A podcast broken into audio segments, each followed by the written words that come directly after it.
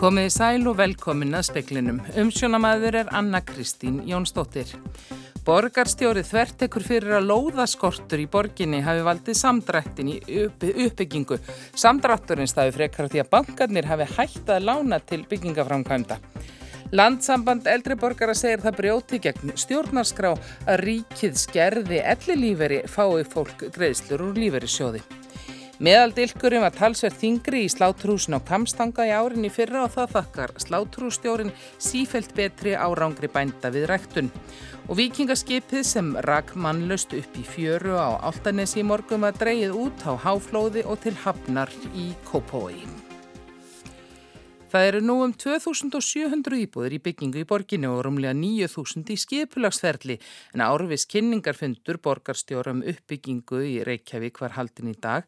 Samtök yðnaðarins hafa sagt skort á lóðum í borginni. Já, ég bara hafna því. Samdrátturinn í því sem er að byggjast núna, hann skýrist fyrst og fremst af því að bankar töldu offrambóð vera á leiðinni 2019 og hægt að lána. Í átta ásfjörðunga dróðust lán til byggingafrangatar saman. Það er að breytast núna sem betur fer vegna þess að allan þennan tíma hafa verið fjölmargi reytir tilbúinu til uppbyggingar í Reykjavík. Við erum með lóðir klárar og nú viljum við þá bara fá alla með, fyrirtækin, einstaklinga og fjármagnaræðila í að láta verkinn tala og sjá þessa borg rísa sem vorum að kynna hér í dag. Saði Dagur B. Egertsson, borgarstjóri í Reykjavík. Formaður landsambands eldriborgara segir það að vera hotsteinin í kjara baráttu eldriborgara að þeir fái það fram að skerðingar og líferi séu ólaglegar. Skerðingarnar hafi ekki verið tilgangurinn með líferi sjöða kerfin á sínum tíma. Landsambandið segir það vera stjórnarskrár brotað skerða ellilíferi og heimilis uppbót frá tryggingastofnun ríkisins um alltaf 56,9% vegna greiðsluna úr líferisjóði. Aðal meðferð málsins lög í héraðstomi Reykjavíkur í dag. Helgi Pétursson formað landsambandsins fagnar því að mál þryggja félaga í gráahernum gegn ríkinu sé komið í dóm eftir fjögur ára baróttu. Hann segir að skerðingar á líferi séu ólögulegar og stór hluti af kjara baróttu eldri borgara. Þetta hef ekki verið tilgangurinn með líferi sjóðakerfinu á sínum tíma. Alls ekki. Við skildum það á allir aðrir að þetta lífeyrissjóðakerfið átt að vera viðbót við ríkiskerfið og, og þannig átti það að standa. Hversu björn síðan er þetta á að sigurvinnist? Ég er bara gladur. Ég, ég trúi því að menn sjá í ljósi. Sagði Helgi Pétursson en Haugur Holm fréttamaður talaði við hann út í fundi á Austuvell í dag. Flóki Áskersson lögmaður í málinu segir þau sjónamið hafa vegist á undan farna áratýji hvort lífeyrissjóðir eigi að vera hrein viðbót við almannatryggingar eða tekjutengja eigi almannatryggingar mjög bjart, bratt og láta lífeyrissjóðuna bæta það sem er skert hinum einn. En það er alveg ljóst að, að, að sjónamið um viðbótina, að það, það sjónamið, það var algjörlega skýrt þegar að kerfinu var komið á fót, en það má spyrja og það er auðvitað gert í þessu máli. Hver eru líkur þess að aðla vinnumarkaðins hefðu bundið sína eigin hendur og lagt sína, sína eigin fjármunni til liða með þessum hætti, ef þeir hefðu ekki vænst þess að njóta góðsaður, heldur vera í raun og veru bara léttundi með ríkisjóðum sagði Flóki Áskersson, Ásurún Brynja Yngvarsdóttir tók saman. Sláturtíðan og viðast hvar að ljúka, fjöldi erlendra starfsmanna sláturhúsuna fer af landi brott á næstu vikum. Hjá sláturhúsinu á Kvamstanga er meðal þingtdilka talsvert meiri en í fyrra haust. Það þakkar sláturhús stjórin sífelt betri árangri bænda við ræktun. Já, við erum að ljúka þessi dag. Við erum bara að klára eftir klukkutíma, þannig að þetta er ánægilegu dagur. Sæði Daví Gesson sláturúpstjóri sláturús KFH á Kvamstanga þegar hann setti enda punktin á slátutíðina í gerðmorgun.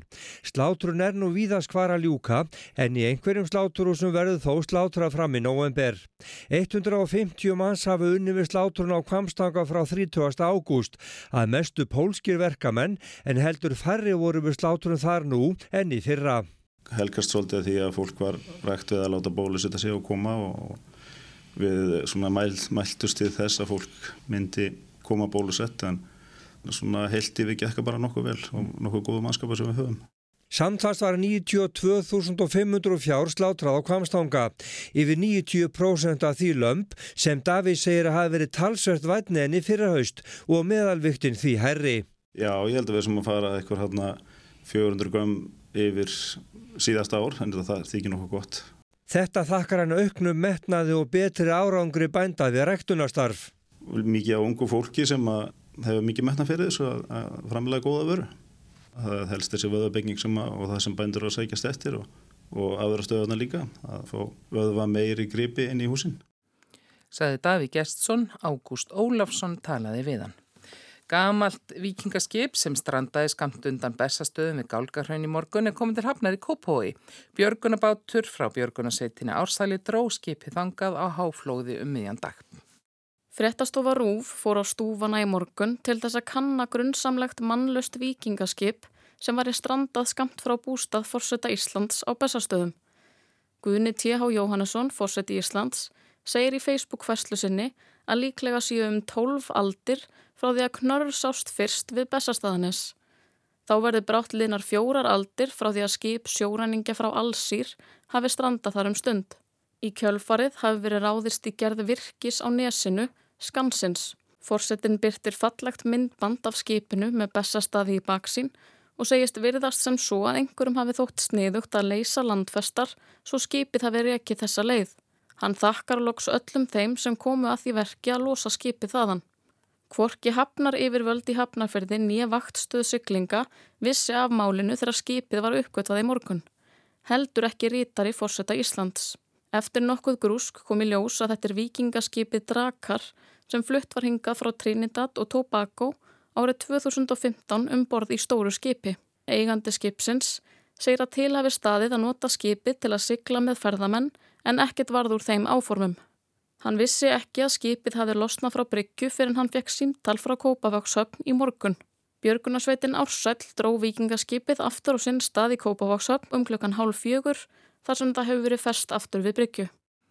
Ólefur hún Erlendstóttir sagði frá. Frá því að miðgarskirkja brann í Grímsegjum meðan Sefteber hefur verið sapnað fér til að byggja það nýja kirkju. Aðstóð hefur borist úr ímsum áttum og sóknar nefnt Hallgrímskirkju ætlar að leggja fér til kirkjubyggingar í einni. Grímsegingar voru strax staðránir í að byggja nýja kirkju á sama stað og svo fyrri stóð. Alfred Garðarsson, formaður sóknarnemndar miðgarðsóknar, segir Grímseginga finna fyrir miklum stuðningi og stefna því að byrja að vinna við byggingu nýrar kirkju næsta vor. Það er vonum fram að hvað margir hugsa til okkar. Já, ég held að sé sko, það er komið eitthvað yfir 10 miljónir í söfnun og svo náttúrulega ég veit að fá tryggingafíðið. Í Hallgrímskirkju hefur söfnun verið hrundið af stað fyrir bygging og nýri kirkju í Grímsei. Sigurður Árni Þórðarsson, sóknar prestur í Hallgrímskirkju, sagði að söfnuði kirkjunar hafi runni blóðið til skildunar við að styðja byggingu í Grímsei þar sem Hallgrímskirkja var á sínum tíma byggð að stórum hluta með fjárframlögum frá einstaklingum og sóknargjöldum. Við rífumst bara af, af vilja fólks í Grímsei að byggja upp að nýju og viljum bara taka þátt í því. Fjóra sunnudagi rauð mun vera að sapna fjef frá kirkugestum en einni mun koma fjárstyrkur frá styrtasjóði Hallgrímskirkju. Grímseigingar þurfa meira en bara höfn og heilskosspöð. Það þurfa helgidóm til þess að, að, að, að njóta og geta leitt því. Sagði Sigurður Átni Þórðarsson, Anna Þorbjörg Jónasdóttir tók saman og talaði líka við Alfred Garðarsson hefja á gjaldtöku fyrir bílastæði í miðbæi Akureyrar um áramótin. Frá árunnu 2005 hafa akureyringar og ferðamenn sem heimsækja miðbæi Akureyrar notast við bílastæðaklukkur. Klukka er stilt á komutíma og gefst fólki tími frá 15 mínútum upp í 2 klukkustundir gjaldfrjálst. Það kerfi heyri brátt sögunni til. Andri Teitsson er formaður umhverfis og skiplagsnemdar Akureyrabæjar. Breytingin er svo að við ætlum að taka upp gjaldtökum á bestu bílastæðunum, þeim sem eru mest miðsvæðis í miðbænum. Það verður uh, tekið gjald per klukkutíma uh, frá 10 til 16 og jáfnvel átján á daginn sem það verið hefur og það verður hægt að greiða í gegnum app og svo munum við líka setja upp þrjá greiðslu standa fyrir þá sem eru ekki alveg klárir að nota símana það sem verður hægt að greiða með greiðslukorti. Hvers vegna var þessi ákvörðin tekinn? Uh, það er vegna þess að í fyrsta lagi að þá teljum við sangjant að þeir sem að nota stæðin greiði fyrir þau. Það er kostnað samt að gera þau og viðhalda og svo er, er það líka búið að vera þannig að ferðamenn hafa átt í erfileikum með að skilja þetta kerfi og hafa verið að fá sér sektir og hafa verið bara leiðindi. Sagði Andri Teitsson, Óðinn Svan Óðinsson, tók saman. Á sunnudag, 30. og 1. oktober hefst loftslagsraðstefna saminuð þjóðana í Glasgow COP26. Og af hverju er þetta kallað COP26? Jú, C og P stendur fyrir Conference of the Parties og með því að snara því á íslensku er þið það nokkur veginn ráðstefna aðeldaríkja að ramma samningi saminuð þjóðana og bætt við um loftslagsmál. Og af hverju 26? Jú, þetta er í 2007. sinn sem að COP ráðstefna um loftslagsmál er haldinn. Sem sagt, 2007. ráðstefna aðeldaríkja að ramma samningi saminuð þjóðana um loftslagsmál hefst í Glasgow og Sunnundag. Það er ástæða fyrir COP26 styttingunni. Næstu vikur verður mikið fjallaðum þessa ráðstefnu og loftslagsmál ímiskonar. Á revjum upp hvað á að gera á sem fundi sem Haldur Þorgesson formaður loftslagsráð sagði í speiklinum og dögunum að væri jafn mikilvægur og sá í París fyrir sex árum en er þið á vissanhátt erfiðari. Það er komið að því að ríki síni á spilin hvað þau ætlað að gera fyrir 2030 eftir rúm 8 ár til að draga úr losun gróðurhúsaloftegunda svo hægt sé að ná kólefnis hlutleysi um miðja öld eftir 30 ár. 30 ár er ju nokkuð langur tími en ekki í samhengi þess hvaða verkefni eru framöndan og hvað er í húfi. Stóra markmið Parísar samningsins er að halda hækkun heitastigs jarðar undir 2 gráðum en hafði að stefna því að jörðin hlýni ekki um meira en 1,5 gráðu og hér er meða við meðalheitastig við upphaf yðnvæðingar. Til þess að ná þessu markmiðum um hittastíð þurfa ríki að ná kólefnislutleysum um miðjöldina eða rétt þrá eftir. Íslensk stjórnvöld stefna að því að ná kólefnislutleysi tíu árum fyrr, 2040. Ríki eiga samkvæmt Parísarsamningnum að setja sér markmiðum að draga úr losun gróðrúsaloftegunda. Ísland gerði það og er með sameinleg markmið með Evrópusambandinu og Noregi. Nýlega var markið sett hærra en áður. Nýtt markmið er 55% samdráttur í losun til ársins 2030. Í gær kynnti Guðmundur Ingi Guðbrandsson um hverfisráð þeirra framtíða sín stjórnvalda á leiðir til kólefnislutlesis til lengri tíma. Skíslunni var skilað til loftslagsnemdar saminuð þjóðuna nú í aðdraganda fundarans í Glasgow. Ríkjum var bóð að skila slíkir framtíða sín en svo skilda ekki lögð á herðar þeirra. Í framtíða síninni er hort til fimm svo kallara sviðsmynda sem eiga að vera grunnur að frekari stefnumótun svo hægt síðan á kólefnislutleysi hér á landi eftir 19 ár. Parísar samningurinn á líka stuðlað því að ríki geti tekist á við afleðingar loftslagsbreytinga með aðlugun og stuðningi hinn að svo nefndu þróuðuríkja við svokölluð þróunaríki. Ríku þjóðunar til einfæltunar þær sem að yðinvætust og menguðu fyrr eiga að leggja þeim fátækari til fjö til að fjármagna loftslagsaðgerðir.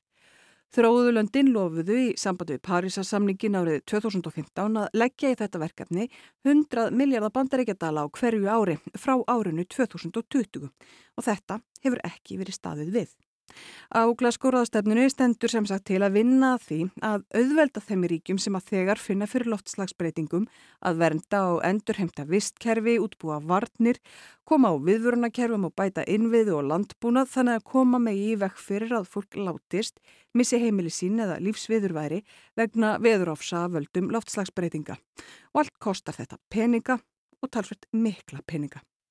Nú á að leggja að fjármálastofnunum, böngum, tryggingafélögum og fjárfestum að leggja sín þungu lóða á vogarskálanar til að hægt verði að ná markmiðum um kólefnislutleisi. Og að auki þarf að ganga endanlega frá reglubók Parísasamkómulagsins í henni er útlistað hvernig eigi að ná markmiðum samkómulagsins og fylgjast með framvindunni og að auki er þar fjallaðum hvernig eigi að veita fjö frá hennum ríkari þjóðum til þeirra fátakari í loftslagstengt verkefni. Ragnhildur Torlasíus sagði frá.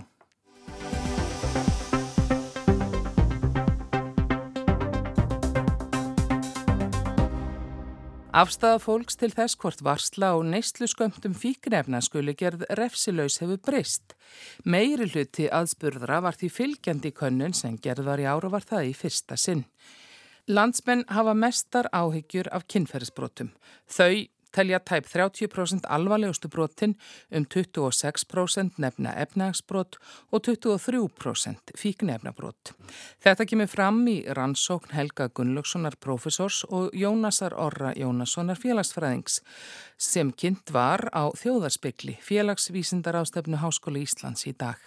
Í könnunni sem gerð var í vor mátti merkja breytingu frá fyrri mælingum og undarföllum árum þá nefndu flestir fíknefnabrót sem alvarlegustu brotin. Helgi segir að í afstöðu til fíknefna og fíknefna lögjafar megi líka greina nokkra breytingar.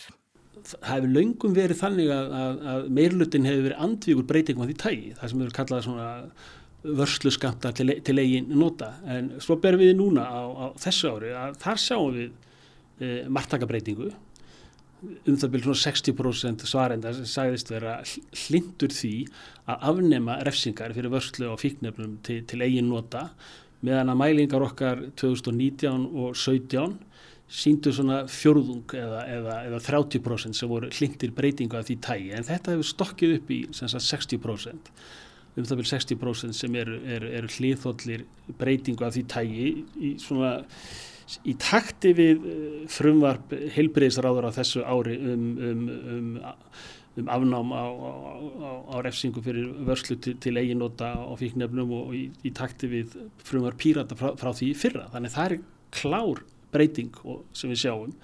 En síðan hvað snertir afstöðuna til löglegingar á kannabis, þar höfum við ekki séð miklar breytingar við sjáum það er, það er heldur fleiri sem, sem eru fylgjandi breytinga því tægi en það er ennþá þannig að tveira hverjum þremur eru ansnúni því að löglega kannabisefni. Er þetta mjög mismunandi eftir aldursópa? Það hefur alltaf verið þannig að, að, að yngri aldursópar hafa verið hlindari breytingum af þessu tægi, bæði hvað snertir löglega kannabisefna og svo varðandi vörslu til eigin nota að, að yngri aldursópar karlmenn meira en, en, en konur en nú bregður svo við varðandi e, vörsluna að þar eru raunverulega fleiri aldursópar komnir inn sem eru hliðhóllir breytinga því, í því tægi. Það er mest meðal yngri aldursópa en við erum farin að sjá í, í eldri aldursópum, 40-50 ára, 50-60 ára, ekki kannski 60 ára og, og eldri, við erum farin að sjá meiri stuðning við, við breytingar af því tægi. Heldur þetta endur spekli aukna nótkun þessara efna? Er þetta hluti af bara þessari umræði sem hefur fyllt þessu lagafrömpi eða eru lagafrömpin að spekla hérna, það sem er að gerast svona hjá fólki? Sko, við höfum alltaf jafnliða þessu að, að spyrja um löggefina þá höfum við verið með spurningar um, um, um reynslu af fíknefnum þar að segja hversu margi nota kannabisefni og hafa notað á lífsleiðinni á síðustu mánuðum og hversu oft Við sjáum ekki miklar breytingar í, í neyslu minstrunu uh, núna. Þar að segja að, að frá því meða við 2019 og 2017 við erum að sjá kannski svona um þriðjungur sem uh, segist hafa notað kannabisefni og við erum að sjá kannski um þetta vel 10% sem hafa notað þetta reglulega um, um tíma 10 eða 20 sinnum og við erum að sjá kannski svona 5% sem við hafa notað á síðustu vikum e, e, eða mánuðum. Þetta hefur tiltala lítið breyst á síðustu þremur eða fjórum árum þannig að skýringin fyrir þessum breytingum að afstöðinu til, til vörslufrumvarfsins það er ekki vegna, vegna aukinar nýslu á, á fíknefnum. Ég held að það sé fyrst og fremst vegna þess að umræðin hefur miklu meiri á síðustu misserum en hún hefur áður verið. Ég meina, bara fyrir örfam ára síðan þá vissum við raunlega ekkert hvað þetta snýrist um, svona afnám á vörslu fíknum til eigin nota. Þetta var svona framandi fyrir okkur og framandi í tungumálunu meiri, meiri sér líka. En það hefur verið mikil umræða, bæðið þetta á þingi og í fjölmjölum, um raunlega hvað þetta snýst.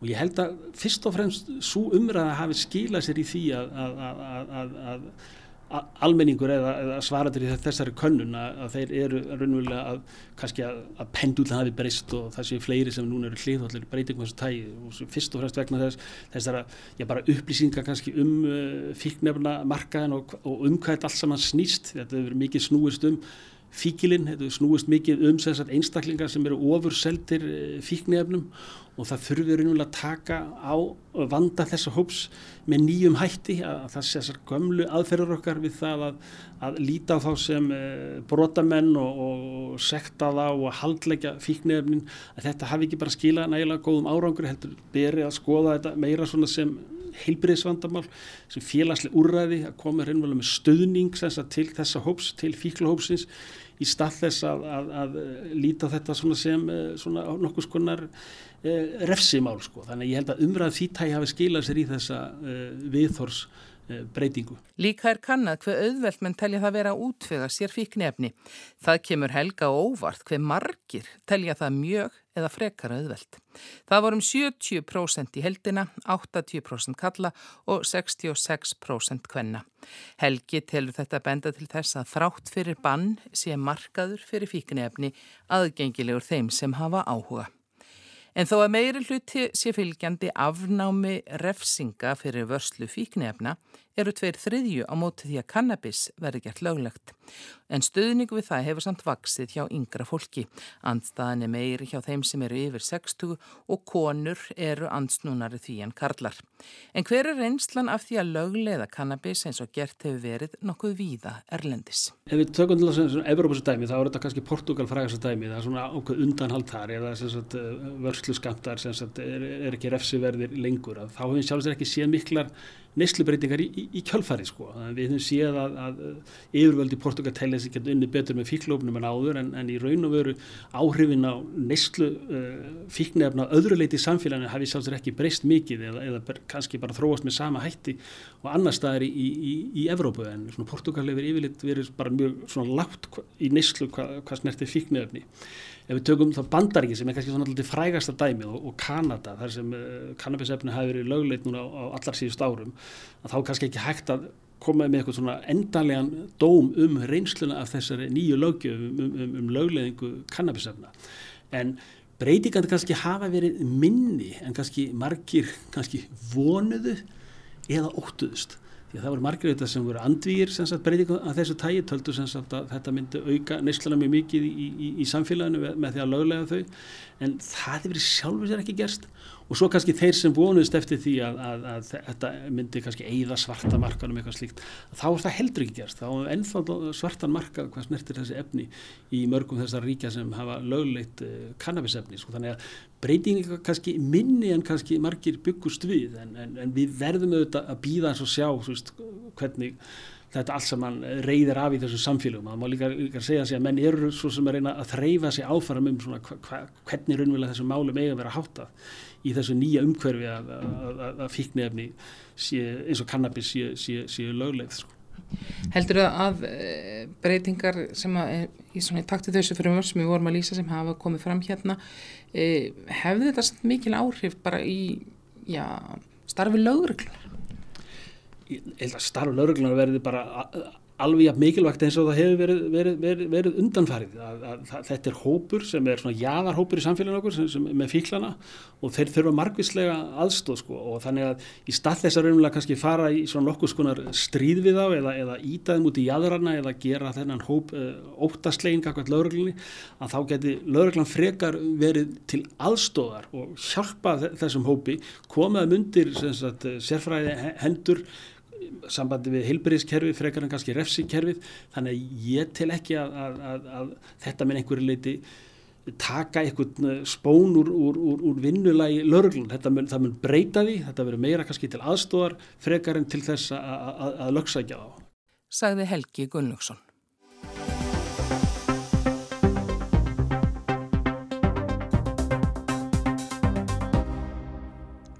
Í dag var franski sendiherran kallaður fyrir í Lundunum, reyndar ekki á fund utanríkisráþera, heldur undir ráþera í utanríkisráðuneytinu. Það hefur soðið upp úr í fiskveiðdeilu breyta og frakka eftir að frakkar dróu breskan fiskibát til hafnar. Að sögn franskra yfirvalda hafði báturinn ekki tilskilin leifi. Frakkar segja breytar svíki lovorðum veiðileifi til franskra sjómana og hóta nú viðskiptaþvingunum frá öðrum november ef að leifin skil skila sér ekki. Breskastjórnin sér að slíkar aðgerðin séu brota á alþjóðulögum og hóta mótaðgerðum en breskur sjávar út högur vil umfram allt lausn eftir svikinn brexit lovorð. Sigrun Davísdóttir teku við. Í útgöngu viðræðum breyta við Evrópusambandið strandaði margóft á fiskveiðimálum. Í þjóðhagslegu tilliti agnar lítið hagsmulamál breyta. Fiskveiðar nema minna en einu prósendi af breskri landsframleiðslu en fiskveiðar voru þungvægt tilfinningamál, brexit stuðningur í sjáarútvegi, eldi málstað brexit sinna eins og Borisa Johnsons, nú forsætsráð þeirra, sem lofaði sjáarútvegi gulli og góðu miðum.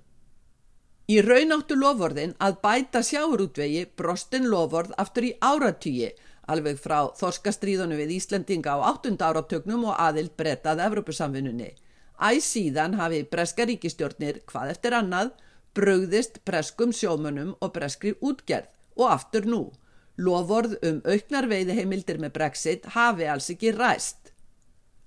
En um hvað snúast þá deilurnar nú? Þetta er ekki nýjar deilur, aðeins eitt kapli í langdregnum deilum um veiðar á miðum í breskri lögsögu sem brettar deildu áður með ESB-löndum engum frökkum. Liður í viðskiptasamningi bretta við ESB er að ESB fái abla hlut sem ESB-skip þurfa að sækja um. Leifin eru veitt á grundvelli fyrri veiða á sömu miðum sem bátarnir sína fram á með GPS staðsetningatækjum. Um 1700 skip frá ESB-löndum hafa fengið leifi til veiða á breskum miðum. Deila nú snýst um veiðar um 200 franskra báta sem telja sig af sögulegum ástæðum eða rétt á veiðum innan 12 mínla landhelgi bretta. Þarna hafi frakkar veitt um aldir. Bretar segja vandan þann að sumir fransku bátana hafi ekki GPS og því ekki gögnum hvar þeir hafi veitt. Frakkar kvarta yfir að bretar hafi ekki afgreitt nema helming veiðileifa til franskra báta. Skýringar bretana séu fyrirsláttur þeir séu einfallega að brjóta samninga. Þó það hafi sóðið upp úr vegna skoska bátsinn sem var dregin til hafnar í franska hafnarbænum Le Havre og hafði að sögn franskara yfirvalda ekki tilskinni leifi, Þá segja frakkar þá aðgerð ótengta veiðileifadeilunni aðeins eðlilegt eftirlit. George Eustace, umhverfis matvæla og sjárútesráð þeirra, segir ekki rétt að breytar lúri á leifum. 98% hafi verið veitt. Luke Pollard, þingmaður verkamannaflokksins í Plymouth og talsmaður flokksins í sjáratusmálum, sæðist í viðtali vikunni engin aðdándi alls þess sem franska stjórnin hefði stað. One thing I think most uh, people in, uh, in Plymouth and fishing communities up and down the country will concede is that the French government backs their fishers in a way that the UK government does not. En einu væri tekið eftir í Plymouth og í öðrum sjávarplásum um allt land og það væri að franska stjórnin stitti franskan sjávarútveg með þeim hætti sem breska stjórnin gerði ekki. Pollard nefndi einnig brostin Brexit lovorð og vandan sem því fylgdi. Fishing feels deeply betrayed by the botched Brexit deal, uh, by the lack of uh, delivery on the promises that were made in the referendum and since to the industry and they feel that the government is just ignoring them. Sjávarútvegurinn teldi sig illa svikin af þessum misefnaða Brexit samningi af óemdum lovorðum til sjávarútvegsins alveg frá því fyrir ESB þjóðaratkvæði 2016 Almennt þætti þeim í sjárútvegi að breska stjórnin væri afskiptalauðs, saði Pollard. Leti sig vanda þeirra engu skipta. Annað í Fraklandi. Nú þyrti breska stjórnin að hætta öllu vopnaskaki og leysa þessi mál. Clement Bone, Evropuráð þar að frakka, sendi brettum kaldar kveðjur í vikunni. On peut pas être dans un climat de confiance avec un voisin un partenaire qui ne respecte pas les règles. Það er ekki hægt að byggja á trösti við nágrana við félaga sem verð ekki reglutnar, saði Bón. Þólinnmaði frakka væri á þróttum. Frá að með öðrum nógumber myndu frakkar stöðva landanir breskra fiskiskipa í frönskum höfnum, beita auknu eftirliti með vöruflutningum frá Breitlandi, auk það sem hugað yrði að rammagsölu til bresku eigarnar Jersey sem er háð fransku rammagni. Brettar segja að slíkar aðgerðir brota á alþjóðareglum sem ekki verði látið ósvarað. Í Bretland er bent á að Emmanuel Macron, fraklandsforseti, sé þarna að slá sig til rittara í upptaktað forsetakostningum næsta vor. Fyrir Boris Johnson, forsætsráþara bretta, kemur málið á slæmum tíma. Hann fundar í Róm um helgina með leðtugum G20 ríkja til að undirbúa lofslagsráðstefnuna í Glasgow Þar þar verulega á því að halda verið góðu talsambandi við ESB-ríkin og ekki síst Macron. Veður horfur eru þegar það verður minkandi norðaustanátt og dregur úr úrkomu, norðalega átt 8 til 15 metrar á sekund á morgun og víða vætan norðan og austan til hiti breytist lítið. En fleiri er ekki í speklinu þessa vikuna, tæknum aður í útsendingu var Magnús Þorstedt Magnússon verðið sæl.